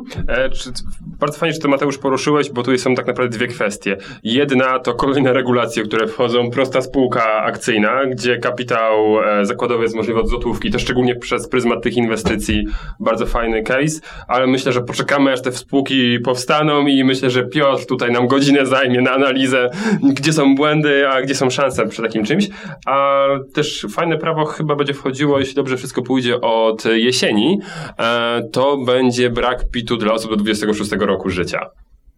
Jestem ciekawy tutaj waszej opinii, e, bo to brzmi bajkowo, co nie? Nie dość, że wiadomo, większość osób do 26 roku życia to często studenci, prawda? Tam do 24 kończą studia, a potem jeszcze parę razy się zapiszą na studia i tam legitymację jeszcze do, do, dociągną do 26, więc nie dość, że nie, nie trzeba o nich płacić e, gdzieś tam dodatkowych składek ZUS-owskich, no to jeszcze teraz więcej im zostanie na rękę, bo nie będą musieli płacić PIT-u.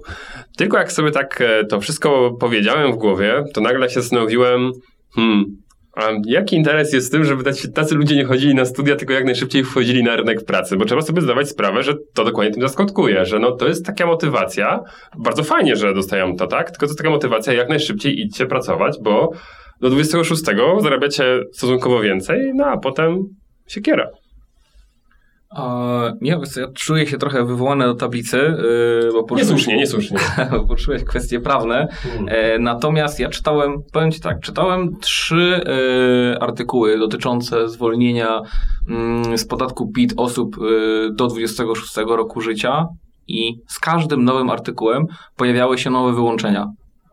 Teraz jaka będzie, jak, jaka będzie finalna forma, no zobaczymy. Ale boję się i znając z praktyki e, wprowadzanie przy, przepisów dotyczących ulg dla osób w Polsce, to ta ulga nie będzie napisana, że yy, przepis nie będzie napisany, że wszystkie osoby poniżej 26 roku życia nie muszą płacić podatku dochodowego od osób fizycznych, tylko yy, wszystkie osoby poniżej 26 roku życia nie będą musiały płacić podatku dochodowego od osób fizycznych z wyłączeniem, no tutaj kolejne cztery strony A4 wyłączeń i wyjdzie, wyjdzie na to, że zasadniczo te 14 osób znowu zostanie zwolnione z, z podatku w kraju.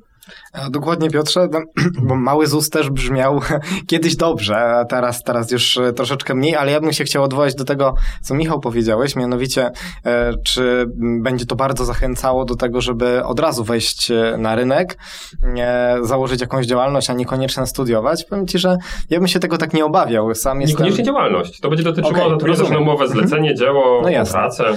Więc ja w sumie jestem sam przykładem tego, to już wiele lat temu było, mm, jak e, zaczynałem e, studia, to specjalnie poszedłem na studia zaoczne, żeby móc od razu pracować. I mam takie wrażenie, że e, no jednak te studia zaoczne są coraz bardziej popularne, bo no, studenci są świadomi tego, że mm, na rynku pracy liczy się jednak bardziej doświadczenie niż papierek ze studiów. No takie mamy realia, wobec czego będą mogli robić to po prostu jednocześnie, prawda? Przecież jedno drugiego nie wyklucza. Nawet teraz bardzo bardzo wielu studentów dziennych ma na tyle mało wypełnione grafiki, e, że jest w stanie pracować, więc moim zdaniem to nie jest problem. Jasne. E, ja tylko tak ten festiwal zabawy i optymizmu, który tutaj dzisiaj rozsiewamy, dopełnię, że problem, który sygnalizujesz, jak najbardziej e, istnieje, tylko moim zdaniem on nie jest skupiony na tym, że te osoby potrzebują doświadczenia, bo oczywiście to jest jakiś argument, tylko to jest bardziej kwestia jakości kształcenia, że osoby, które zrobiły 5 lat studiów, okazuje się, że nie potrafią nic, bo studia są po prostu złej jakości. Wiesz, po filozofii i coachingu możesz być coachem. Dobrze, ja skończyłem politologię. Powiedzmy, to, to wyjdzie prędzej czy później, ale te studia były zarąbiste, bo dały mi świetne e, doświadczenie organizacyjne, tak? Ale to była kwestia, jak ja wykorzystałem ten czas, który miałem między zajęciami, a, a, a, nie, a nie jak e, można było to wykorzystać. Bo studia tak? to styl życia. Tak, dokładnie. A że no dla większości osób, które, gdzie studia no niekoniecznie są high level, tak? No to Także idąc optymistycznie, na pewno zachęcamy Was do tego, żebyście, jeśli jeszcze jesteście na studiach, byli aktywni, tak? Rozwijali się, nie, nie tylko i wyłącznie skupiali się, żeby mieć najlepsze możliwe zaliczenia, natomiast również, żebyście skupili się na pracy poza studiami, być może w jakichś NGO-sach, być może na zasadzie e, rozwijania ciekawych projektów. Natomiast na pewno e, tego typu doświadczenie Wam się przyda zarówno w biznesie, jak i w korporacjach, chociaż jak ostatnio słyszałem, korporacje bardzo szybko są w stanie wyciągnąć e, nasze atuty i nasze e, dobre strony, nawet jeśli o nich nie wiemy e, jeszcze w momencie, kiedy do tej korporacji przystępujemy. Mateusz, ja bym chciał odnieść się do jednej kwestii, którą poruszyłeś. Eee, Na, mianowicie chodzi o startupy. Eee, powiedziałeś, że jest dobry czas na to i dobry moment, żeby te startupy powstawały, żeby się rozwijały.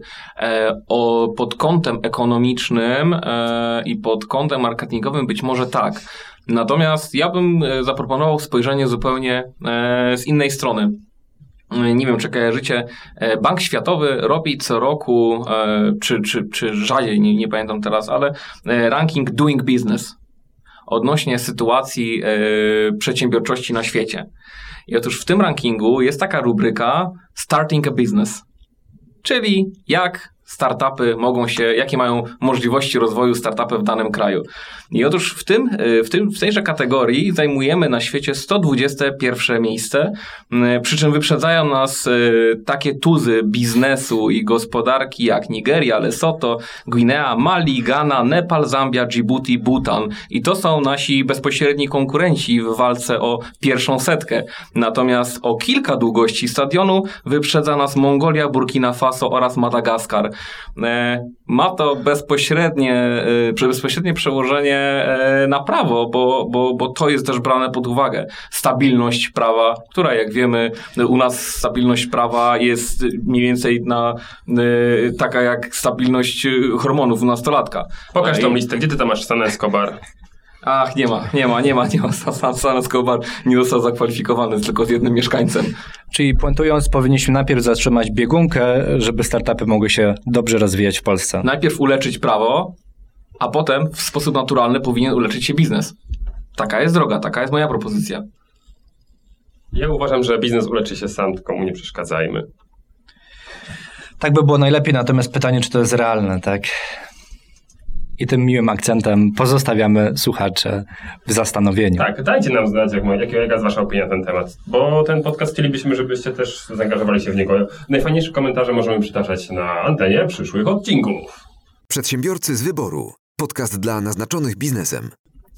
To jest polski podcast, bo przez ostatnie paręnaście minut narzekamy. Parę dziesiąt? Tak, to Polska jest związana z cebulą i z notatek widzę, że Mateusz ma bardzo polski cebulowy temat. Agrobiznes? O produkcji cebuli?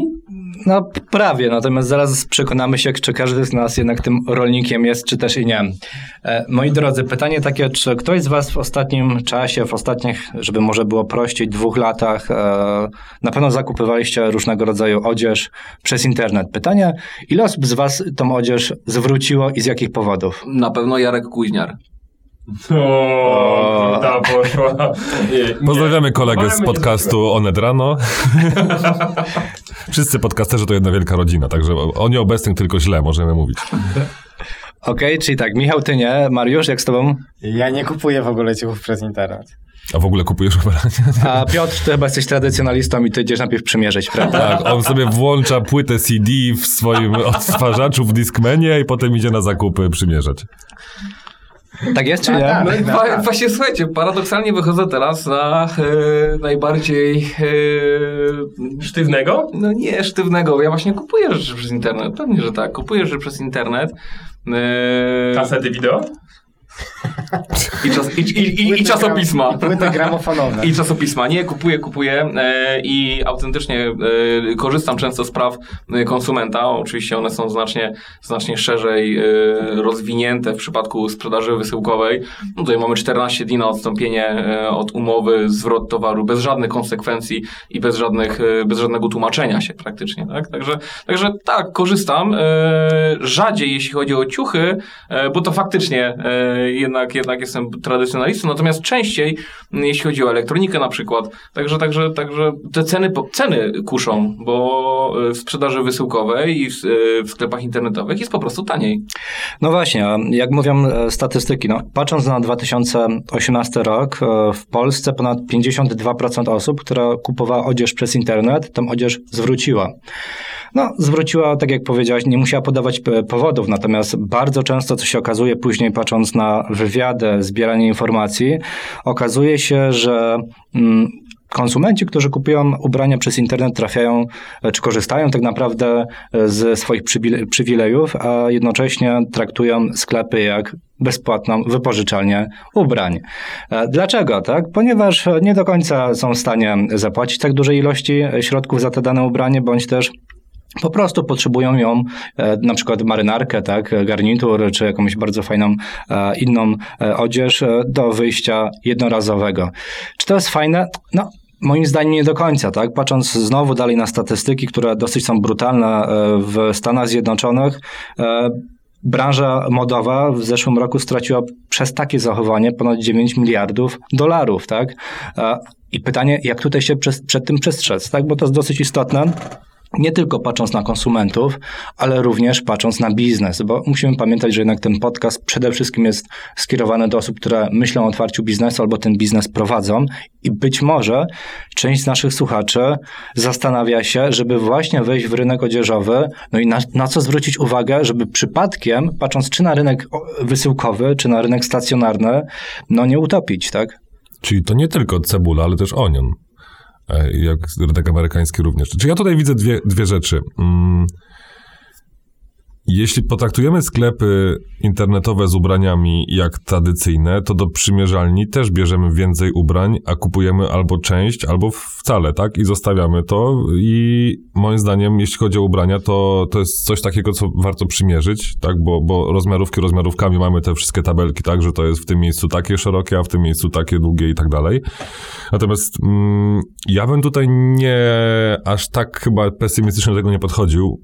Mi się nie zdarzyło chociaż nie, zdarzyło mi się odsyłać, e, odsyłać ubranie zakupione w internecie, ale nie całe zamówienie.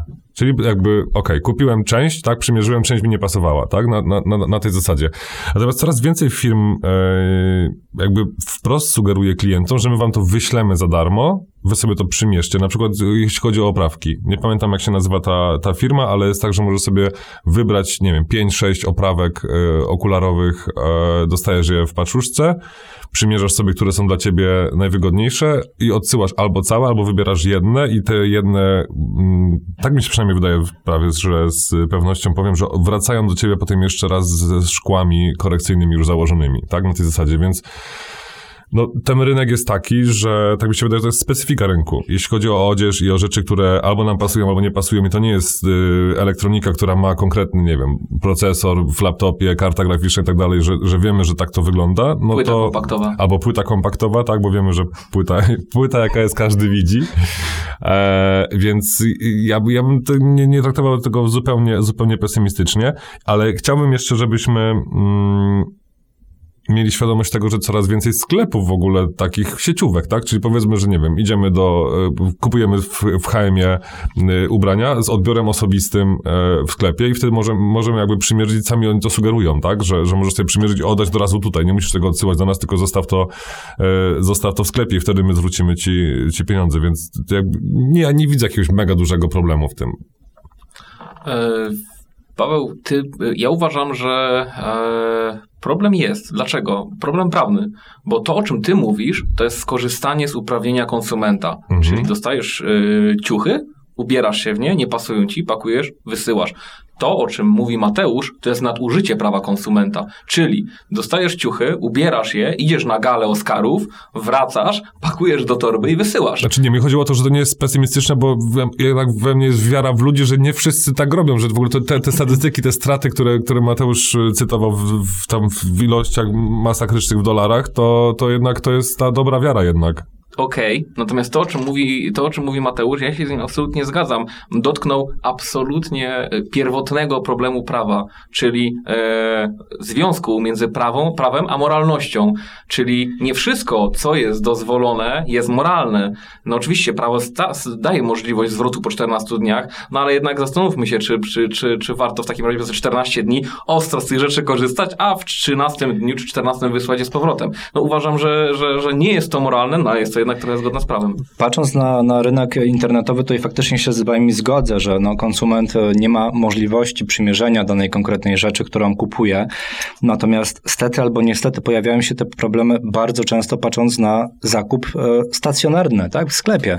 E, dużo sklepów sama sobie tak naprawdę jest temu winna, ponieważ mamy informację, że możemy w ciągu 14, 30, a czasami nawet 3 miesięcy, e, 30 dni, a nawet 3 miesięcy zwrócić zakupiony towar. Tak? I czytając różnego rodzaju opinie, E, Zdarzało się nawet, że ró- różnego rodzaju konsumenci próbowali zwrócić bieliznę, tak?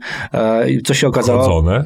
E, Później niestety okazało się, że chodzona i niewyprana, tak? Więc. To do e, Japonii na eksport. Podobno oni takie lubią. Właśnie, to, to jest kolejny pomysł na biznes. Natomiast patrząc nawet na statystyki, które niestety nie kłamią, tutaj ja nie chcę być mm, pesymistyczny z tego punktu widzenia, ale e, tak to wychodzi, tak? Patrząc na. Polskę, co szósty konsument przyznaje się, że korzysta z wardrobingu, tak? Czyli tak naprawdę co to jest? No to jest właśnie zakup, nawet stacjonarny w sklepie i zwrócenie tego. Tak, a być może użytkowanie bardzo często, a co dziesiąty mówi, że korzysta z tego często.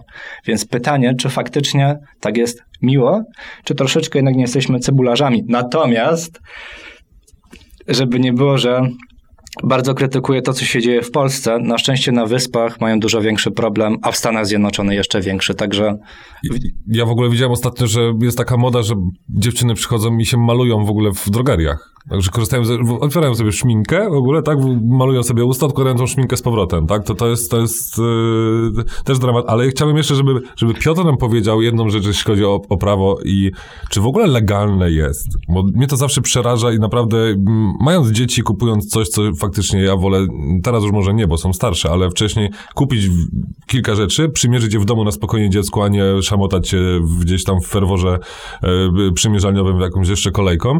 Czy to jest w ogóle mo- moralne? To na pewno nie jest, ale czy to jest legalne, że nie kupując przez internet oddajemy e, ubrania i dostajemy zwrot w równowartości w danej kwoty na kartę podarunkową? Znaczy nie na kartę podarunkową, tylko na kartę przedpłaconą, tak? Na tej zasadzie. Mówisz o sklepach stacjonarnych? Tak. Ale w sklepach stacjonarnych nie obowiązuje ci zasada, że możesz zawsze zwrócić te ciuchy. I okej. teraz tak, e, to w jaki sposób ukształtowane są uprawnienia w sklepie stacjonarnym, e, o tym mówi regulamin sklepu danego. A czyli I jak tak, sklepu, czyli wewnętrzny regulamin sklepu, czyli ja Wewnętrzny sobie mogę tak powiedzieć, jest. że To nie jest tak, że- klientów w krawacie nie obsługujemy na przykład, tak? To, I- dokładnie tak. To, to, jest, to, jest, to jest ta wolność e, w przypadku s- sklepów stacjonarnych, e, że mogą sobie sami kształtować. Na przykład zwrotów nie przyjmujemy, prosimy o przemyślane zakupy.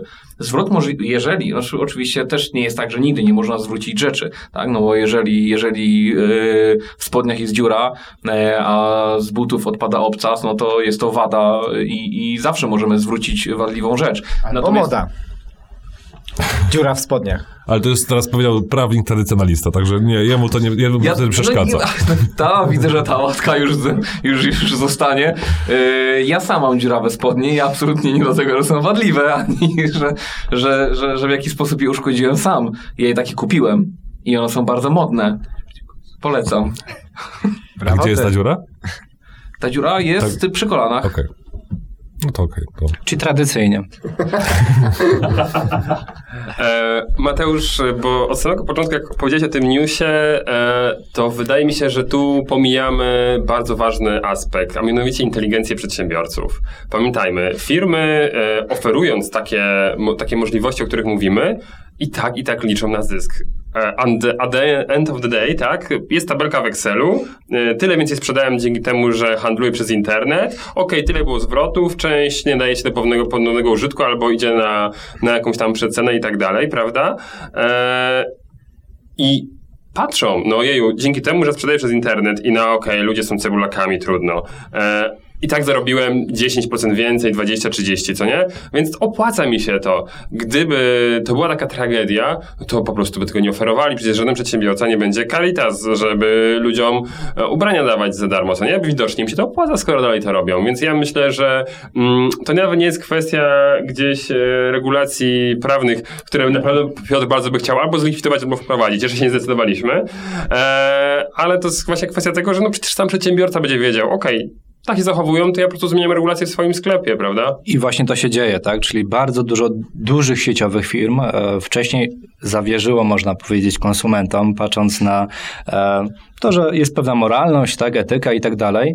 Natomiast co się okazało, troszeczkę to się rozminęło z, z rzeczywistością. I tutaj mówimy ogólnie o całym świecie globalnym, e, przez co bardzo często te duże firmy z wykorzystaniem różnego rodzaju prawników wprowadzają takie regulaminy, które jednak zabezpieczają nas, tak? E, No i troszeczkę też do tego by chciałem odnieść się, tak? Czyli pytanie tutaj już bezpośrednio Piotrze do ciebie. E, Jeśli dana osoba myśli o otwarciu biznesu, e, niekoniecznie wysyłkowego, może to być stacjonarne, to czy w ogóle byś zachęcał do tego, żeby e, była możliwość dokonywania zwrotów, e, czy w jaki sposób to wyłączyć z regulaminu? E, Czy są jeszcze inne zapisy, które, na które warto zwrócić uwagę, właśnie patrząc na tego typu problem? Wydaje mi się, że te regulacje prawne zdają się być odpowiednie, bo nie można zwrócić rzeczy, która nosi ślady użytkowania. Pamiętajmy też o tym, że mm, regulamin sklepu internetowego nie może wstać, wstać w sprzeczności z obowiązującym prawem, czyli tutaj prawem konsumenckim, czyli nie może inaczej tego ukształtować. Akurat jeśli chodzi o prawo konsumenckie, są to normy bezwzględnie obowiązujące. Na pewno osobom, które mm, chciałyby otworzyć sklep internetowy z ubraniami, e, zaleciłbym mocną ostrożność i to znacznie większą i bardziej wzmożoną niż w przypadku innych biznesów. Jest to e, bardzo ryzykowny biznes, jak, jak, jak widać.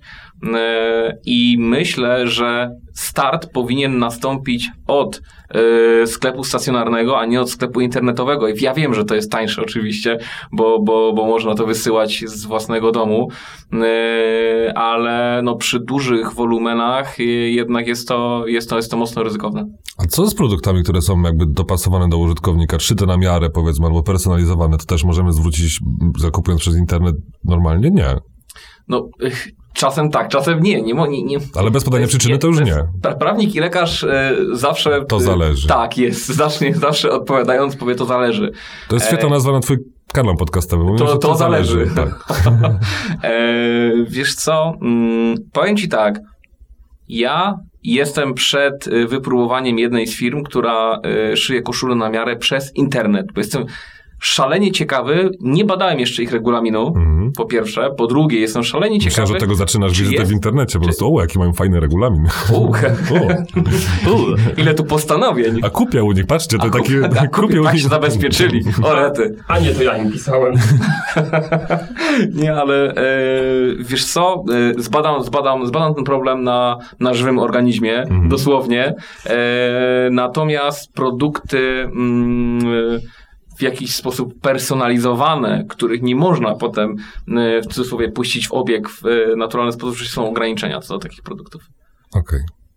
To podzielisz się z nami, ze słuchaczami potem swoimi wrażeniami z koszuli. Tak, oczywiście. To już się szyje? Ale czy- pod, kąt- ale, ale pod kątem prawnym, słucham? To się szyje już? To się jeszcze nie szyje. Okej. Na razie Piotr szyje. Przedsiębiorcy z wyboru. Podcast dla naznaczonych biznesem. E, Dobrze, ja bym chciał jeszcze poruszyć taki temat związany z, e, z technologią voice'ową, e, bo jakiś czas temu, bardzo niedawno, na świeżo, byłem w Warszawie na spotkaniu organizowanym między innymi przez Karola Stryje z podcastu Zawodowcy odnośnie mm, technologii voice'owych i tam byli goście z, z Amazona i mówili o, o technologii, którą możemy wykorzystywać wszyscy. Jeszcze nie aż tak wszyscy w naszym kraju, bo nie ma oficjalnego kanału sprzedaży, ale mówimy o asystentach głosowych i w tym wypadku o Aleksie. Natomiast ja bym chciał zapytać, czy w ogóle, czy wy korzystacie z, z takich asystentów głosowych, bo, bo teraz jakby ym, asystent Google jest na, na wszystkich telefonach praktycznie z, z Androidem, więc y, jakby próg wejścia jest, jest niższy niż do tej pory i szczególnie, że jest, to jest pierwszy asystent, który jest po polsku. Więc e, zacznę. tradycy, tradycjonalny... y, Tradycjonalista. Tak. Tradycjonalista dla mnie, jeśli chodzi mm, e, o e, komputerową mowę, to zawsze i wszędzie tylko i wyłącznie Iwona. Pawle, odpowiadając na twoje pytanie, Tak, ja zacząłem korzystać z, tym razem merytorycznie, w przeciwieństwie Mhm. do tutaj przedmówcy. E, ja zacząłem korzystać z asystenta e, Google'a. Nie mogę teraz powiedzieć tych słów, którymi się to wywołuje, bo mi się po prostu wywoła. Czy- tak. E, ale przede wszystkim w aucie. Jeju, jakie to jest szalenie zarąbiste. Mhm. że włączenie Bluetootha, gdy wchodzę do auta, aplikacji do podcastów, wszystko jedzie na komendach głosowych. Znajomi, którzy ze mną czasami jeżdżą, zrobili takie, a co ty masz za komórkę, że takie coś działa, a ja na twojej też działa. Także ludzie chyba jeszcze nie mają świadomości, że takie coś funkcjonuje.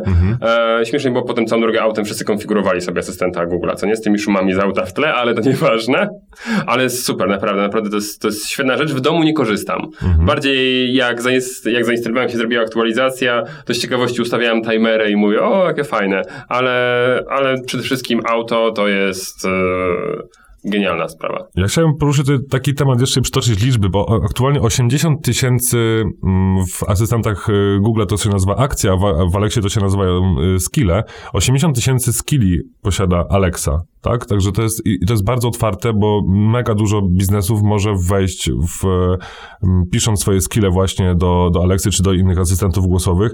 E, Radio Talk FM aktualnie chyba ma najbardziej zaawansowany i S-Sky albo jakaś inna firma z rezerwacji lotniczych, jeśli chodzi o asystenta Google. I to naprawdę jest bardzo mały próg wejścia, bo jest dużo tutoriali i generalnie aktualnie wszystko jest otworzone i te skille i te, te actions można e, tworzyć całkowicie bezpłatnie, więc tylko jak mamy pomysł, żeby w ten sposób jakby rozwinąć nasze, mm, e, nasze biznesy, żeby również były w ten sposób dostępne, e, to, to najbardziej to jest, to jest wszystko stoi, stoi otworem i w tym momencie mamy też jakby bardzo niski próg wyjścia poza granice naszego kraju i są firmy z, z, również z Polski i z różnych części świata, gdzie ich mm, właśnie mm, skille do Alexy sprzedają się na całym świecie i no wyobraźcie sobie takiego skilla, bo jak, jak, jak mm, wyobrażamy, może nie wszyscy mają pojęcie, co, co, co to może być, tak? Są aplikacje skille, które są, e, ich, ich zasada działania polega na tym, że mm, jest aplikacja, która mówi jakieś zdanie, a my zgadujemy, czy to jest prawda, czy fałsz, tak? I to jest w milionach a w milionach y, instalacji na, na całym świecie i takie aplikacje mogą być albo bezpłatne i wtedy oferujemy jakieś ewentualnie zakupy w, w ich obrębie, albo rozszerzają nasze, nasze usługi i jakby powodują rozreklamowanie naszego produktu, albo są faktycznie płatne, tak? I no, sprzedać y, milion aplikacji za 99 centów, tak? Z czego 70 do 30 zostaje e, u nas i tylko z 30% dzielimy się z, z Amazonem, no to, to jest, jest skala, tak? To, to, to, jest, to, jest, to robi robotę. Także mm, uważam, że ja sam mam nadzieję, że e, dopnę swego w tym roku i pokurzę się o jakiegoś, jakikolwiek prosty skill po prostu, żeby go utworzyć i żeby było publikowany. Tak, to jest takie moje wewnętrzne mm, postanowienie, po prostu, żeby się to sprawdzić i w ogóle zobaczyć, jak to wygląda od, od, od współpracy z, takim, z takimi molochami technologicznymi. Trzymamy kciuki za ciebie. Ja trzymam również za siebie, także dziękuję. Z, z Natomiast- chęcią będziemy cię dopytywać o to, jak tam Bardzo dużo, bardzo dużo też y, przykładów e, padały, też doczytałem w ogóle, gdzie te skille się, się pojawiają, nawet y, do tego stopnia, że mm, y, skille i w ogóle interfejsy mm, głosowe Alexa, akurat w tym wypadku, bo to jest najpopularniejszy asystent patrząc na, na świecie, są w przeróżnych urządzeniach, tak? Tam mikrofalówki, pralki, lodówki, to jest ok, ale na przykład wibratory ostatnio powstały cała, e, cała y, grupa seks zabawek, tak? Które są, mają wbudowane Alexy. Wiedziałem, że tutaj Piotr będzie zgłaszał swoją chęć wypowiedzi. E, natomiast no, naprawdę to, to, nie mamy ograniczeń, tak? To każdy, każdy element, który ma mikrofon, można, można e, sprzęgnąć z Alexą. A wiesz, że wibratory y, są zwolnione z podatku, objęte są y, stawką 0% VAT jako sprzęt rehabilitacyjny? To bardzo cenna uwaga. Wiem, że może ci się przydać, więc Także, ale z nadrukiem też? Na przykład. Nadruk reklamowy. Ej, Nadruk- zobacz, jaki fajny pomysł na gadżet reklamowy. Taki Tak. oryginalny. Jeszcze mm, wibrator z logotypem i sterowaniem głosowym przez Alexę. mamy Na to. cały świat. Tak. Albo z twoimi Tak, ja inicjałami. myślę, że tym optymistycznym akcentem. Ale to wtedy będzie też produkt personalizowany i nie wiadomo, czy będzie można go zwrócić. Przedsiębiorcy z wyboru. Podcast dla naznaczonych biznesem. Tak, ja chciałem przede wszystkim podziękować słuchaczom za to, że wytrzymali te ileś minut, które wyjdzie po montażu. Gratulujemy cierpliwości. Tak. Yy, Zostańcie z nami na koniec, bo tam będziemy zostawiać różne ciekawe fragmenty. E, Nie będziemy wypuszczać odcinka making of, bo to w podcastach nie jest zwyczajowe, ale zostańcie na koniec, tak? W kinie nie zawsze warto wychodzić na samym początku napisów, także zostańcie również na, na koniec naszego podcastu. Dziękuję wam panowie za to owocne spotkanie. Było bardzo kreatywnie i merytorycznie i em, jak jeszcze było? Śmiesznie, Śmiesznie było, zabawnie. Może nie śmiesznie właśnie, zabawnie. zabawnie, Humorystycznie. humorystycznie. Groteskowo momentami. Ironicznie, pesymistycznie. Cóż za Wytrwale. zasób słów. Mariusz, masz jakieś słowo? Cebula. Chcesz cebulę taką opalaną? Nad ogniskiem. Dobrze, to tym optymistycznym cebulowym akcentem e, kończymy nasz pierwszy odcinek i pozostańcie nastrojeni. A właśnie, dobra, jeszcze nie, nie, nie zakończmy, bo no jak e, na YouTubie YouTuberzy muszą mówić, że jeśli po tym odcinkiem będzie 10 tysięcy łapek w górę, to coś tam, to może nie chcemy 10 tysięcy łapek w górę, ale zapraszamy do subskrypcji. E, Znajdźcie nas na, na Facebooku. Mm, Jeśli wpiszecie prze- przedsiębiorcy z wyboru, to może pojawić się fanpage podcastu, może pojawić się fanpage stowarzyszenia. Natomiast w jednym i drugim miejscu na pewno znajdziecie informacje o naszym kanale. Tam będziecie mogli łatwo zasubskrybować, będziecie mogli nas znaleźć na wszystkich popularnych e, miejscach, gdzie podcasty można słuchać, w tym również na Spotify. Więc subskrybujcie, oceniajcie, zostawiajcie nam recenzje, bo to wszystko jest po to, żeby, żeby ten podcast był jeszcze bardziej popularny. Jeśli będzie popularny, nasza motywacja będzie rosnąć logarytmicznie do przyrostu recenzji, to w tym momencie nasze odcinki będą jeszcze bardziej zwariowane. Ten był zwariowany, nie? Tak. Karuzela. Korona jazda bez trzymanki. Śmiechom nie było końca. Boki zerwane. Do usłyszenia. Do usłyszenia. Do usłyszenia. Cześć. Przedsiębiorcy z wyboru. Podcast dla naznaczonych biznesem. Porady, studium przypadków, nowinki, analizy, dyskusje, rozmowy, opinie. Dzień dobry, Paweł Badura. Nie śpi, Michał. Ja nie wiedziałem, że on raz nagrał tego zaczął. No dawaj jeszcze. Sobie spośród wszystkich miejsc przypadło mi miejsce obok niego. I jedziesz. I jedziesz. Tak. Jak się ten podcast nazywa? Przedsiębiorcy z wyboru, dobra. Ja, ja nie mam pojęcia co powiedzieć, więc ja nie będę lepszy. Znaczy ja, ja też chciałbym być ostatni. Ja też, ja też. Mariusz, no! Dobra.